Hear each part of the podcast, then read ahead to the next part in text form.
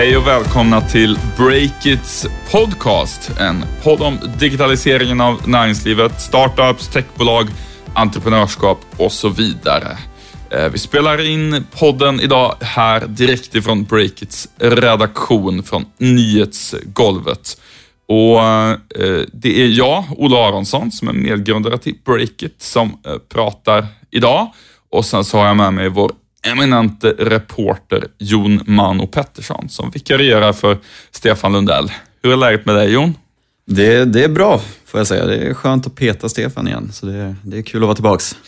Mm, du fick ju eh, hyllningar efter ditt senaste inhopp, så jag förstår om du har lite hybris nu. Vart såg du, såg du de hyllningarna? Nej, ja, jag, jag fick det från, från folk på stan, ja. var det faktiskt. Ja. Det, är två personer åtminstone som har, som har sagt att de tyckte du gjorde en stark premiär. Ja, det är kul. Jag tror jag fick en ny följare på Twitter också, så det, var, det kändes stort. Tillväxtboom. Mm. Du, i det här avsnittet så ska vi prata eh, bland annat om Mathems miljardvärdering och jätteemission som vi avslöjade i veckan. Eh, det blir en rapport från eh, stugan som du har besökt. Yes. Är det mest ett kul projekt eller är det en plantskola för tunga framtida företag? Och sen vår take på det här rykten om att Bonnier ska köpa Aftonbladet och mycket mer. Först kör vi ett gäng nyheter i korthet. Jon, vad har din skarpa blick noterat senaste dagarna?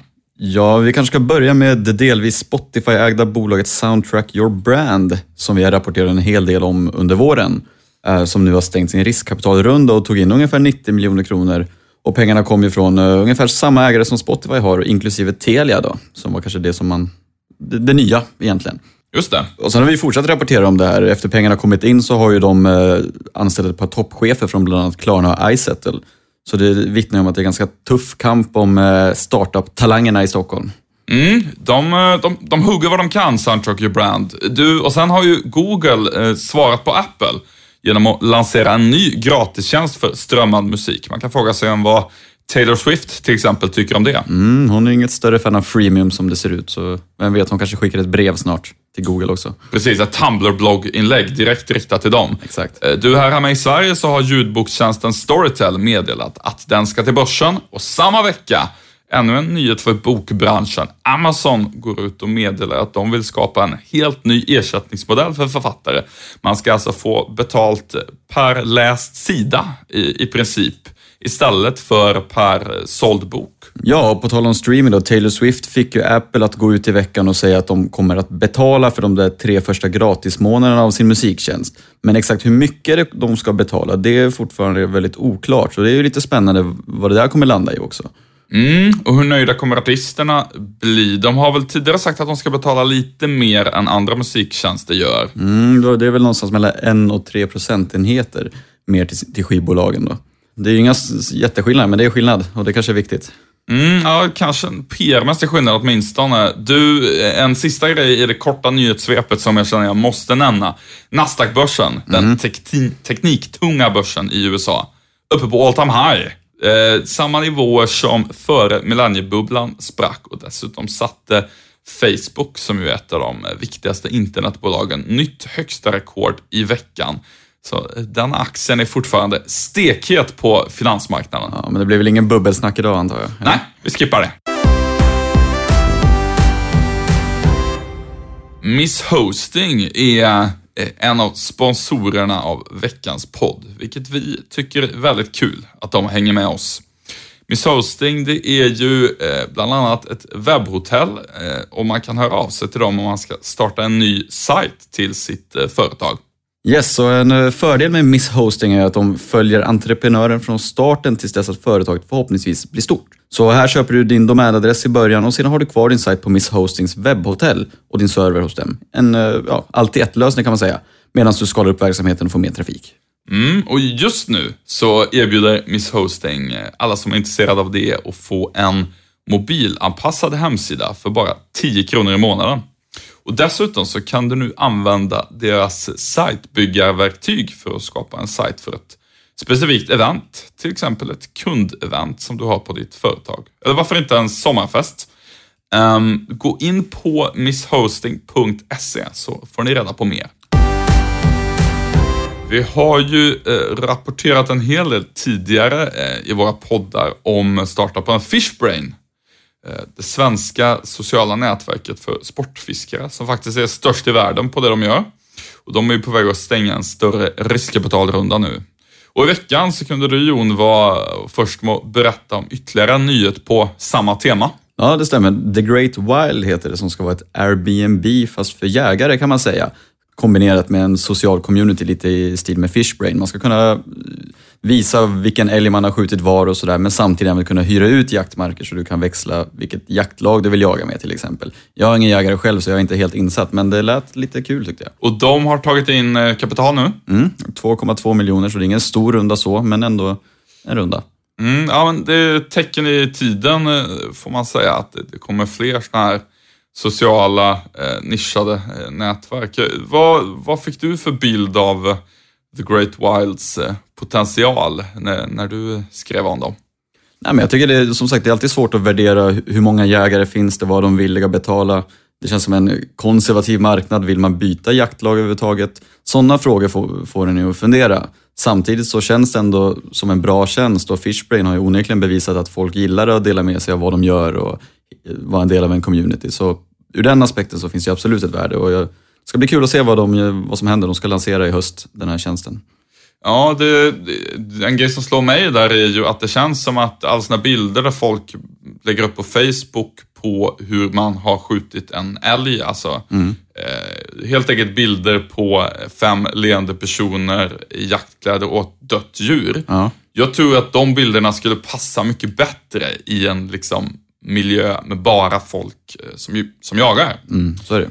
Eh, det märker man ju själv när en sån bild börjar delas ganska mycket. Mm. Då dyker det alltid upp folk som är upprörda över att eh, antingen att eh, man jagar eller som blir upprörda över att människor äter kött. Eller någon annan aspekt av det. Så, så jag tror att det där skulle passa bättre mm. i, för sig själv. Det är lite grann min take på det. Men vad tror vi om det där om vi tänker på Fishbrain, Eh, Eh, The Great Wild, det finns några andra exempel på sådana här nischade sociala medier. Är det här en liksom eh, konkurrent mot eh, Facebook, att man kommer hänga mer där eller är det mer att det kommer att ersätta tidningsmagasinen? Vad, vad tror du? Det är ju snarare ett komplement till Facebook än så länge skulle jag säga eftersom det är så pass nischat som det är. Men ja, mer konkurrent till magasinen. The Great Wild är ju en, en sajt från början som skriver nyheter och bloggar och sådär. Så de har väl insett att community också är viktigt och vara en plattform där man kan eh, skapa affär via att hyra ut jaktmarker till exempel. Um, så det, det, tror jag absolut finns potential. Sen är frågan hur smalt det kan bli. Jag tror du har rätt där i att eh, det är tidningsmagasinen som ska känna sig hotade av det där. Alltså fisketidningar, jakttidningar i det här fallet, mm. men även om du tittar på Blogglovin till exempel, som ju är en plattform där framförallt många mode och livsstilsbloggare eh, skriver och tipsar om hur man ska klä sig och sådär. Eh, de har ju redan tagit väldigt mycket av den marknad som tidningar typ Damernas Värld och så hade sedan tidigare. Eh, Bloggloven är ju, ska vi säga, en svensk startup, men de har huvudkontor i, i New York. Mm. Um, och, där har det ju liksom redan hänt ganska mycket. Uh, ett annat exempel som är väldigt tydligt är väl gaming-speltidningar. Mm, det är väl sajter och YouTube-kanaler nu. Och sen att de här lite mer konservativa grejerna, typ jakt och fiske, ja, det är ju lite äldre publik och så, men man borde ju kunna anta att det kommer dit också. Ja, just jakt tror jag också, det, det växer ju som hobby, folkhobby. Och gör det det? Det gör det, enligt jägarna i alla fall enligt Great Wild åtminstone. Uh, och fler kvinnor jagar och sådär. Så det tror jag, det känns i alla fall som en, något på väg uppåt. I vissa kretsar kanske. Åtminstone. Ja, en, en, något ihop med en friluftsstrand eh, ja, kanske där. Du, eh, en nyhet lite på samma tema där. Eh, de, vad ska man säga, det känns som att det är de stora om man ska hårdra det lite grann, manliga intressena som folk försöker kapa åt sig nu att bli det huvudsakliga sociala mediet för jakt och fiske och fotboll. Football yes. Addicts tog in Creandum som delägare i, i veckan. Det är ju en app då där man kan följa sitt favoritlag, hur det går för dem och framförallt kanske svara på frågor som fotbollsfan. Vad tycker du borde Eh, Qatar bli av med fotbolls-VM eller borde de få behålla det och sådär. Eh, vad tycker du som är fotbollssupporter om det där konceptet? Ja, jag tycker det är ett kul koncept och speciellt det du var inne på där på slutet, omröstningar. Det är ett perfekt sätt att kunna kvantifiera vad folk faktiskt tycker för någonting. Till exempel i samband med Fifa-skandalerna som varit och mutbrott och sådär. Då var det väldigt många som röstade att nej, nu ska de eh, avgå helt enkelt, som vi gillar i de fotbollskretsarna. Uh, så det tycker jag är toppen. Sen har jag inte använt appen själv, vilket jag borde ha gjort, men uh, det har jag inte hunnit göra. Så jag får väl testa och återkomma.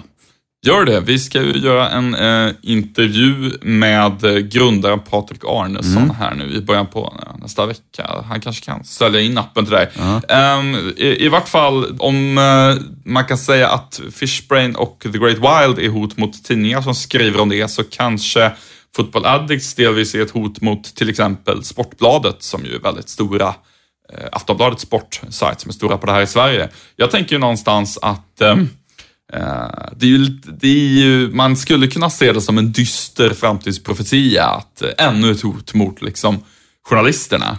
Men ja. jag tänker mer på det att det är väl snarare ett sätt för journalistiken att eh, komma underfund med lite mer vad som är våran unika roll. Att mm. det kanske inte är omröstningar om borde Sepp Blatter avgå som vi är bäst på. Men jag tror inte att Football Addicts eller Fishbrain för den delen kommer liksom göra de bästa eh, reportagen eller de bästa Nej. intervjuerna. Om de inte rekryterar de bästa journalisterna kanske. Nej, precis. Nej, men jag tror snarare att de kommer leverera material till artiklar. Att så här har det gått i den här omröstningen, att den rollen kan de få ur ett journalistiskt perspektiv. Sen tror jag också de fyller en funktion ur... Fotboll är ju liksom föreningsdemokrati i Sverige på något sätt och alla får göra sin röst hörd. Det här är ju ett perfekt sätt att göra sin röst hörd utan att skrika på en läktare, vilket jag tycker man också ska göra på en viss nivå. Men att det här är ett lite mer sofistikerat sätt att klicka, så här tycker jag. Och det är väl klockrent att sånt finns.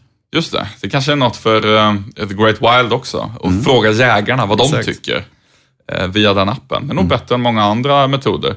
Jag tror på det här med nischade sociala medier också av ett annat skäl. Det är ju att uh, det känns ju inte direkt som att Facebook lägger sitt krut på att utveckla gruppfunktionen. Snarare tvärtom. Det kan vara den sämsta delen av Facebook. Mm. Eh, den mest underutvecklade. Direkt när man kommer in på liksom den funktionen tycker jag att det känns så 2010 med en gång. Vad är det som känns eh, så dåligt, tycker du? Ja, men det är två saker egentligen. Mm. Det ena är ju att eh, man är med i så jäkla mycket grupper som, eh, liksom, som postar saker till dig och det blir ett för stort flöde. Du, du kan inte hålla koll eh, på det. det. det. är helt enkelt för svårt att liksom styra vilka notifikationer och så som är relevanta för dig, vilket leder till att man bara går ur grupper eller stänger av de där eh, notifikationerna. Mm. Det andra är ju bara hela formen för att ha en diskussion i de här grupptrådarna. Den är inte användarvänlig helt enkelt. Man, det, det, blir antingen för mycket, det är svårt att få folk att liksom svara på frågor. Den används ju lite grann som projektledningsverktyg för små föreningar och sånt där, alltså mm. Facebookgruppen. Men det funkar ju liksom inte för att få eh, saker gjort, utan det blir bara jobbigt. Den rakaste formuleringen är väl egentligen helt enkelt att det är en eftersatt användarupplevelse. Så där använder man ju, om man ska driva ett projekt så, som en grupp är det bättre med Trello och liknande verktyg. Och till den här liksom sociala eh, funktionen, så ja, då är det väl bättre med någonting som är optimerat för precis den verksamhet det är. En nischad eh, social app för, jag vet inte, körer hade jag velat ha då, som sjunger i kör. Ja. Men problemet är bara att då måste alla körsångare hitta dit och det är väl där Facebook har sin stora fördel, att folket är där än så mm. länge. Ja men så är det ju absolut, men någonstans så, jag vet inte, de verkar i alla fall inte ge så mycket kärlek till Facebook-grupperna. De koncentrerar sig mer på att bygga Messenger till plattform. Men en aktör som det här i vart fall i ett orosmoln för, eh, om det nu eventuellt inte är Facebook, de kanske inte bryr sig så mycket om grupperna, det är ju Readly, eh, magasinsappen. Just det. Eh, för de har ju som en av sina liksom säljpitchar att, ja men, om du är intresserad av fiske kan du läsa alla fisketidningar här. Ja, jag, själva idén tycker jag, när den kom, är ju spännande och sådär. Och ett annat orosmoment kanske är ju att Johan Kviberg enligt Börspodden då ska ha kommit två timmar sent till Readleys stämma. Just det. Eh, det är sant. Johan Kviberg som då är, är delägare i Readly och känd affärsängel i Stockholm, eh, ska vi säga. Mm. Uh, ja, men vi har ju rapporterat en del om Readly och de har ju haft sina problem helt klart. Men vad tänker du om dem? Jag tänker väl så här att uh, Readly är ju bra kanske för såna här väldigt eh, läsintensiva grejer. Alltså om du typ kan få tidningen Fokus via Readly. Det är nog bra, men det kan bli, bli tufft för dem om nischade sociala medier blir riktigt stort.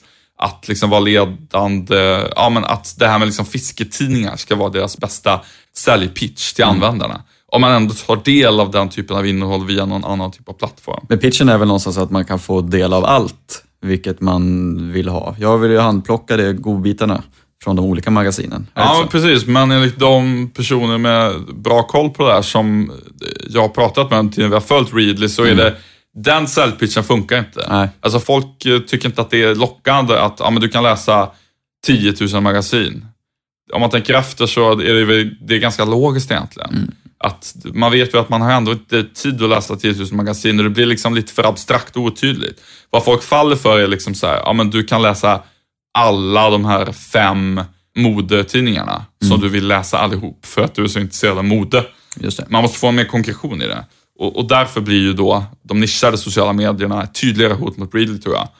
Eh, en annan grej jag har tänkt på där, det är att um, Readly och Spotify och Storytel och såna innehållsaktörer lyfter alltid fram sina dealar med Telia som så viktiga och att Telia distribuerar det här innehållet till alla sina kunder ses som en väldigt stark kanal. Och det är det ju. Men eh, nu trillar du in fler och fler sådana innehållsleverantörer hos Telia. Jag tycker det börjar se lite trångt ut. Jaha. Jag tittade på om man skulle teckna ett abonnemang eh, hos dem för ett sånt här eh, allt i ett. Du får liksom väldigt mycket och betalar typ 600 kronor i månaden hos Telia. Och då ska man välja mellan Readly, Spotify eller Storytel. Då är frågan hur många väljer Readly då? Eller hur många väljer Storytel? Väljer kanske inte alla Spotify? Du tänker att det blir lite trångt där och att man devalverar värdet på det som distribueras. Ja, men precis. Ju- men ju men för konsumenterna är det väl inget problem antar jag? Nej, för konsumenterna är det väl kanon att man får välja det bara. Mm. Men eh, i och med att de där dealarna alltid basuneras ut som så viktiga och liksom, det här kommer lyfta oss. Så kan man ju fundera på ändå vad värdet är ju fler som kommer in. Snart kanske det är tio olika grejer du kan välja mellan där. Eh, Då, då tror jag att det, det blir för trångt för att, eh, för att vissa ska få ut så mycket nytta av det. Du, en annan grej jag hörde på stan om det där i veckan. Vet du om hur det gick till egentligen när Spotify och Telia blev så, så nära kompisar med varandra? Ingen aning faktiskt, men uh, rykten gillar vi så det är bara kör. Nej, men det här tror jag faktiskt är mer, Fakta än rykte. mer substantiellt än ett rykte.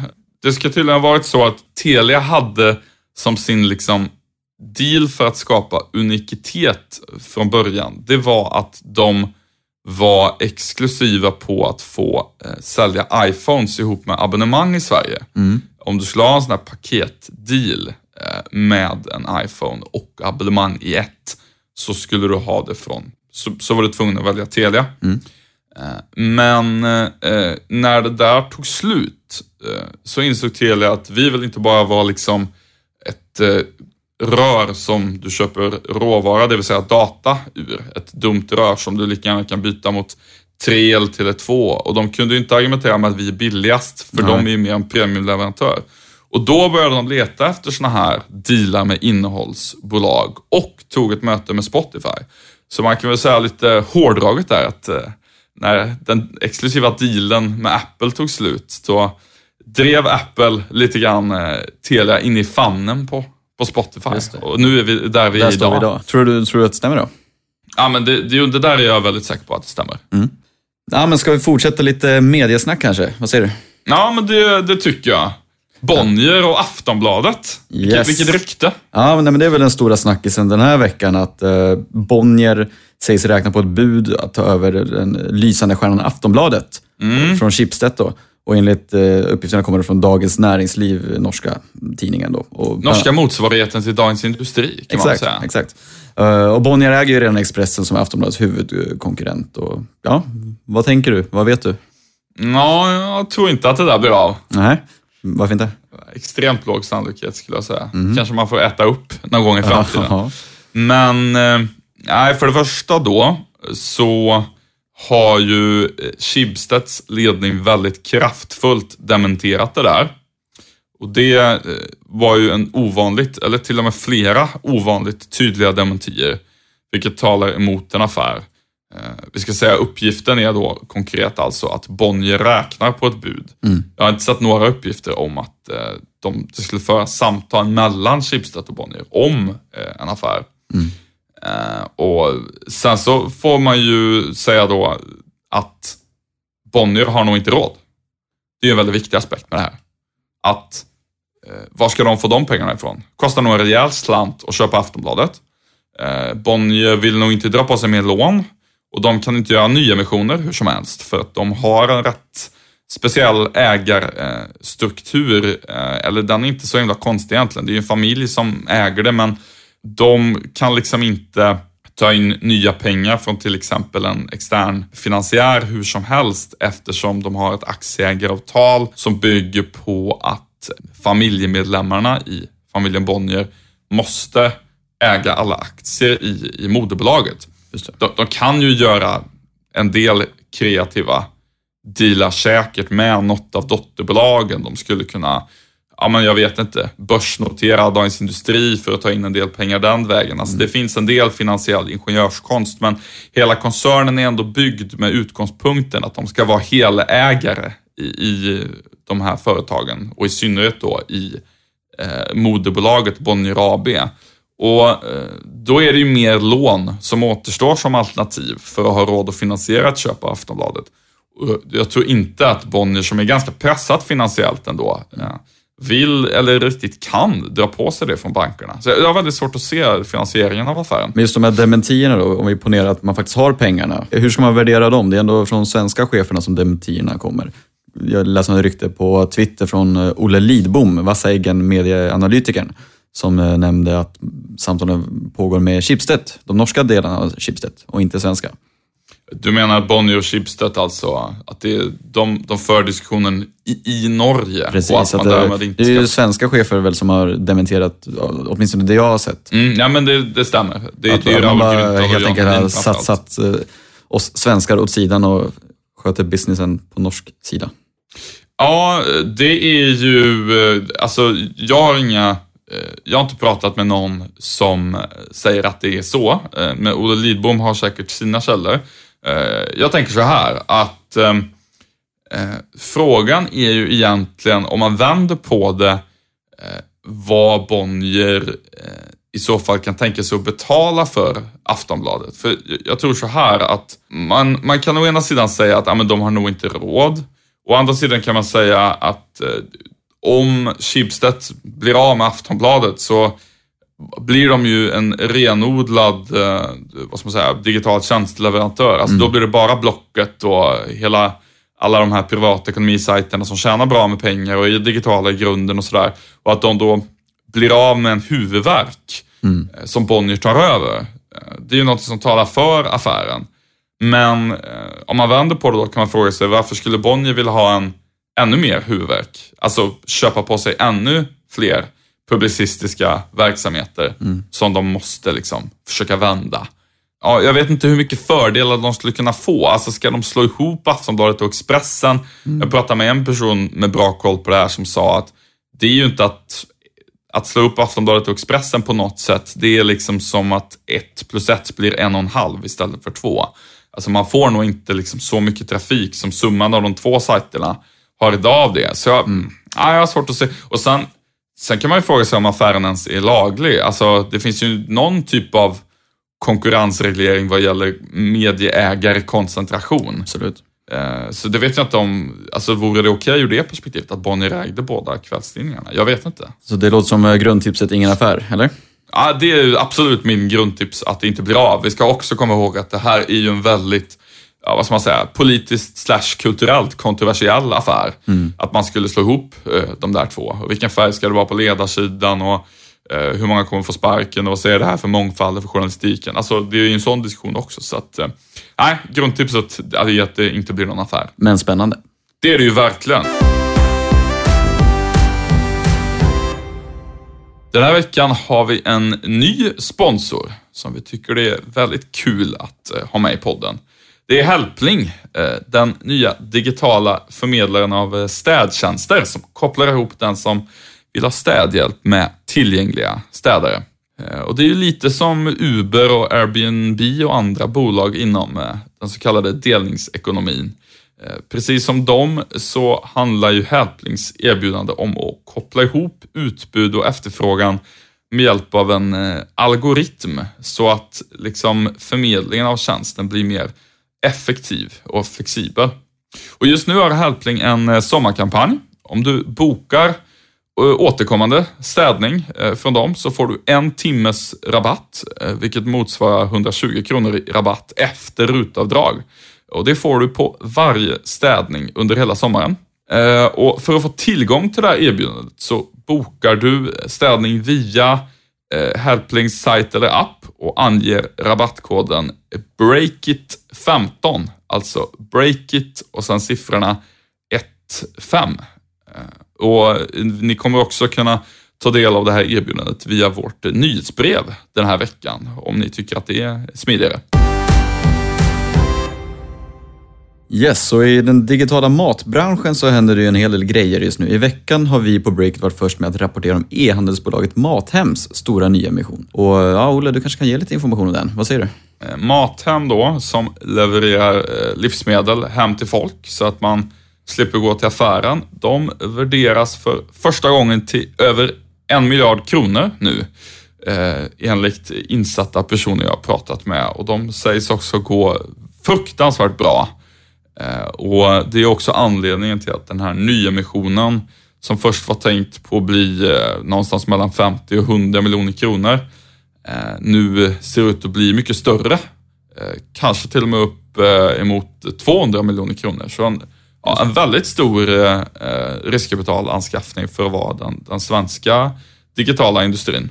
En intressant grej med den här nyemissionen det är att ehm, utöver de befintliga storägarna, eh, investerarna som Carl-Johan Persson, H&M's VD och riskkapitalbolaget eh, Verdane, så eh, ser det även ut att vara på väg nya tunga ägare in. Som man inte har fått reda på vilka de är än. Nej. Men Eh, det kan vara ganska intressant, kanske någon tung internationell aktör som vill köpa in sig i, i eh, Mathem. Mm, för det, det går bra för Mathem? Ja, det går ju otroligt bra för dem. De har ju eh, nu vuxit till över 700 anställda. Mm. Bara det. Eh, och tydligen så är det väldigt viktigt för dem att ehm, eh, kunna ta in unga personer.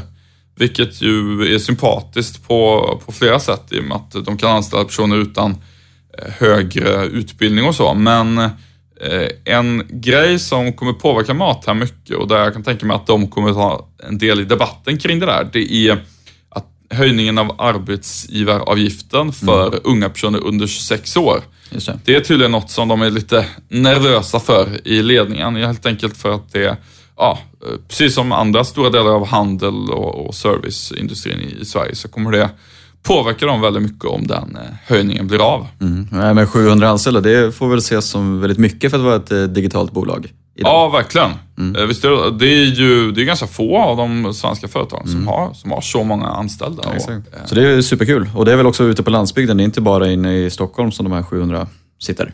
Nej, precis. De har ju, jag kan faktiskt inte det i detalj, men jag vet att de finns i många olika medelstora städer i Sverige, Mathem.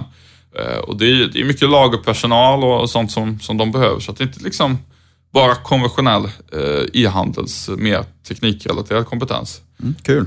Jag, jag har en liten idé där. Uh -huh. som är, jag tror skulle kunna bli det riktigt stora, tunga hotet mot ICA och de andra liksom, bjässarna. Mm. Det är om Mathem börjar Eh, göra dealar direkt med till exempel bostadsrättsföreningar mm. Och säga att ni får gratis frakt och vi levererar maten eh, direkt till eh, bostadshusen på något sätt. Mm. Så att man slipper gå till affären. Då skulle man kanske kunna via en app bestämma att okej, okay, jag vet att det kommer en stor matleverans till vårt hus på tisdag. Och ja, vad, vad vill jag ha då? Liksom. Och hitta en modell för det och så skulle du liksom kunna om du inte ens har tid att fylla i exakt vilka varor du vill ha så skulle du kunna liksom låta appen försöka förstå vad du borde vilja ha eh, nu. Ja, men det här har du beställt tidigare och det här borde vara slut nu och sådär. Mm. Då kan du nästan bara med typ ett klick bara, ja visst, jag, jag tar en sån, ett jag tar det vanliga matpaketet ungefär och så kommer det hem eh, till mig. Och det går ju att finansiera det där med gratis frakt säkert på något sätt. Om du kan göra en deal med liksom en hel bostadsrättsförening där det bor typ 100 pers. Eh, då blir det ju lönsamt. Och eh, det skulle ju kunna bli en, en riktig hit för Ja, Mathem spännande. om de får Kanske man kan skaffa någon liten glassbilen-signal också när de åker runt. Just det, det är också en variant. Exakt. Eh, vad, vad, har du prövat Mathems eh, tjänster själv? Nej, jag har inte gjort det faktiskt, men det är väl eh, något man borde göra tänker jag. Men jag gillar och för sig att gå runt i butiken och plocka varor och få lite inspiration sådär. Men eh, varför inte? Digital butik kan man väl få inspiration också då? Ja, exakt. Jag, jag, jag tror att eh, någonstans så handlar det om hur stressad man är. Mm. Det är vad jag brukar gå på. Hur mycket saker som folk tycker är jobbiga, som man kan lösa åt dem. Men jag tycker det är lite kul att gå i butiken och plocka och bestämma mig där och då vad jag ska äta. Mm. Så det, för mig så handling är inget problem. Det kanske kommer bli ett lyxbeteende i framtiden. Precis. Att kunna gå och plocka bland, bland varor blir Har man liksom... tid och pengar då gör man det. Exakt, den pimpade varianten. Exakt. Eh, Du, eh, från svensk mat till röda stugor, eh, kanske passande övergång. Du var ju i Stugan, Mm. spelacceleratorn i Dalarna, som hade sin kickoff i tisdags. Eh, hur var det att vara där och göra reportage? Nej, men det var jättekul. Stugan är ju ett, en accelerator där flera av Sveriges ja, tyngsta spelentreprenörer står bakom. Där man har plockat in eh, 23 personer som ska sitta i två månader och utveckla spel tillsammans i små röda stugor. Och det är folk från hela världen egentligen. Det är från 11 olika länder tror jag. Och enbart två små svenska grupper av dessa. Så det var kul att bara gå runt och titta lite vad, vad, vad som ska hända där. Vad, vad tror du eh, att det kommer att bli av, av stugan egentligen rent affärsmässigt? Eh, man får ju lite grann känslan av att det, ja, det är ett kul event i Dalarna, men tror du att det kommer att bli någon, någon vettig business av det? Alltså för de som arrangerar kan man ju först och främst säga att det är ju ingen business alls för dem. De tar ju ingen ägarandel i den här acceleratorn utan det är bara eh, för att stötta svensk spelindustri kan man säga. Uh, huruvida det kommer bli något av de spelen, det känns extremt svårt att bedöma just eftersom att när man ska förklara ett spel i ord till exempel eller bara en jättekort demo så får man egentligen ingen riktig uppfattning om det här är beroendeframkallande eller inte, vilket mycket spel handlar om egentligen. Eh, Men det verkar vara väldigt drivna och duktiga människor och det var många ansökningar för att få komma in. Och, ja, det, det verkade lovande. Sen är det ju två månader, jag vet inte hur mycket man hinner göra på två månader, men det verkar vara ett bra tillfälle att marknadsföra Sverige ändå som ett spelland, om inte annat. Att få folk utifrån att rikta blickarna hitåt och tänka att vi är bra på det här, för det är vi. Vi kanske ska säga det också att det är ju bland annat eh, Tommy Palm som var en av de drivande bakom eh, Candy Crush Saga. Yes. Och eh, Sverigechefen på eh, Rovio, Oskar Burman. De är ju några av de drivande personerna bakom stugan. Vad tror du att de ser i, i projektet? Vad, vad de liksom kan tänkas få ut av det? Jag pratar ju med dem och vi har ju skrivit lite om dem nu på breaket i veckan. Eh, för de verkar vara ett sätt att ge tillbaka i mångt och mycket. Att de själva har utvecklat spel från att sitta i en stuga till vad de är idag. Och de ser som ett, fylla ett visst tomrum ändå på den svenska spelindustrin. Att det kanske är svårt att få det här första jobbet ibland och då kan det vara ett bra sätt, eller få tid till och med att sitta tillsammans och bara koda. Det, det är inte alltid man hinner det. Så för dem är det nog lite ge tillbaks och skapa någonting spännande. Sen får vi väl se vad det utvecklas till. Det här är ju första året, så det återstår att se. Du, jag tycker du ska åka tillbaka till stugan när de är klara och se vad det blev. Ja, det är inte ens i stugan, vet du. det är i Stockholm. De ska köra på Tekniska museet, tror jag det är. Och minns inte exakt vilket datum det var, men om två månader ungefär. Där de ska väl dema sina nya spel. Så vi får se om det är något nytt Minecraft eller vad som kan ha hänt där. Mm, ja, det får vi hoppas. Det ska bli, riktigt kul att se liksom, vad de här exklusivt utvalda eh, elitdeltagarna, får man väl kalla dem för, kan prestera på så kort tid. En lite kul grej också, som, eller intressant snarare, som både Oscar och Tommy var inne på, det var att de inte har fått så mycket media här i Sverige jämfört med utomlands. Att utomlands tycker folk att stugan, att det här är ett väldigt spännande projekt och tunga medier inom den här branschen skriver om dem. Medan här har det varit lite tystare, vi har skrivit lite grann, men sen har det kanske inte varit så mycket. Nu den här på invigningen så var det ju viss lokalpress och en stor dagstidning var ju där på plats också, men eh, i övrigt så har det inte varit så mycket snack om stugan här hemma och vi kanske inte tycker det är så spännande att åka ut i en stuga. Men eh, vad tror du beror på? Varför är det större utomlands? Ja, men dels tror jag att ehm, de riktigt stora spelmedierna mer i eh, engelskspråkiga sajter och YouTube-kanaler främst. Eh, det är väl en grej.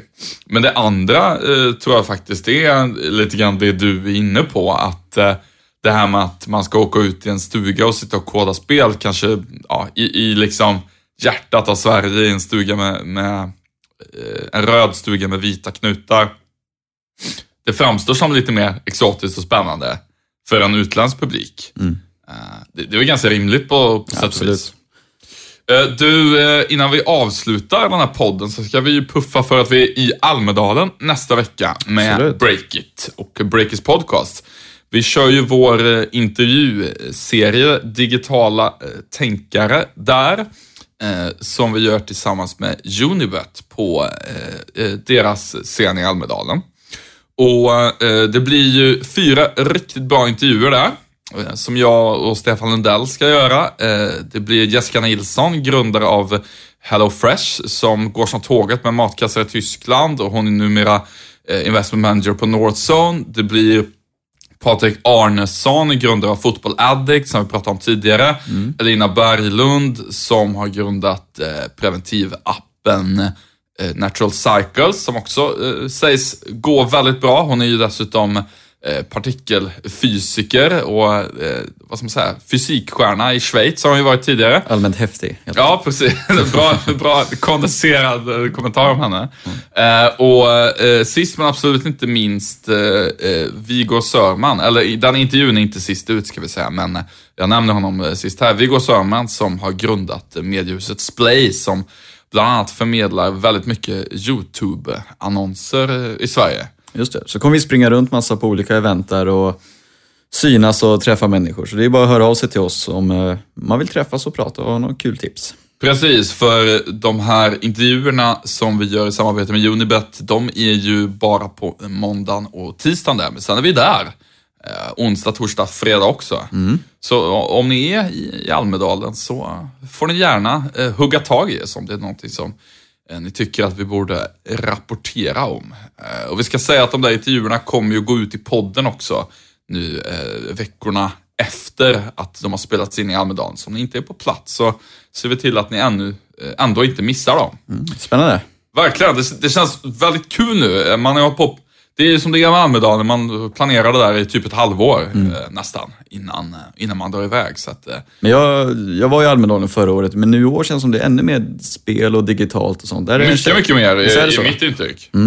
Eh, Förra året var det lite eftersatt tycker jag. Nu är det liksom, det är Women in Tech och det är Epicenter och det är 51 olika grejer. Så att, jag tror att vi är rätt som åker dit med hela redaktionen. Ja, hoppas det.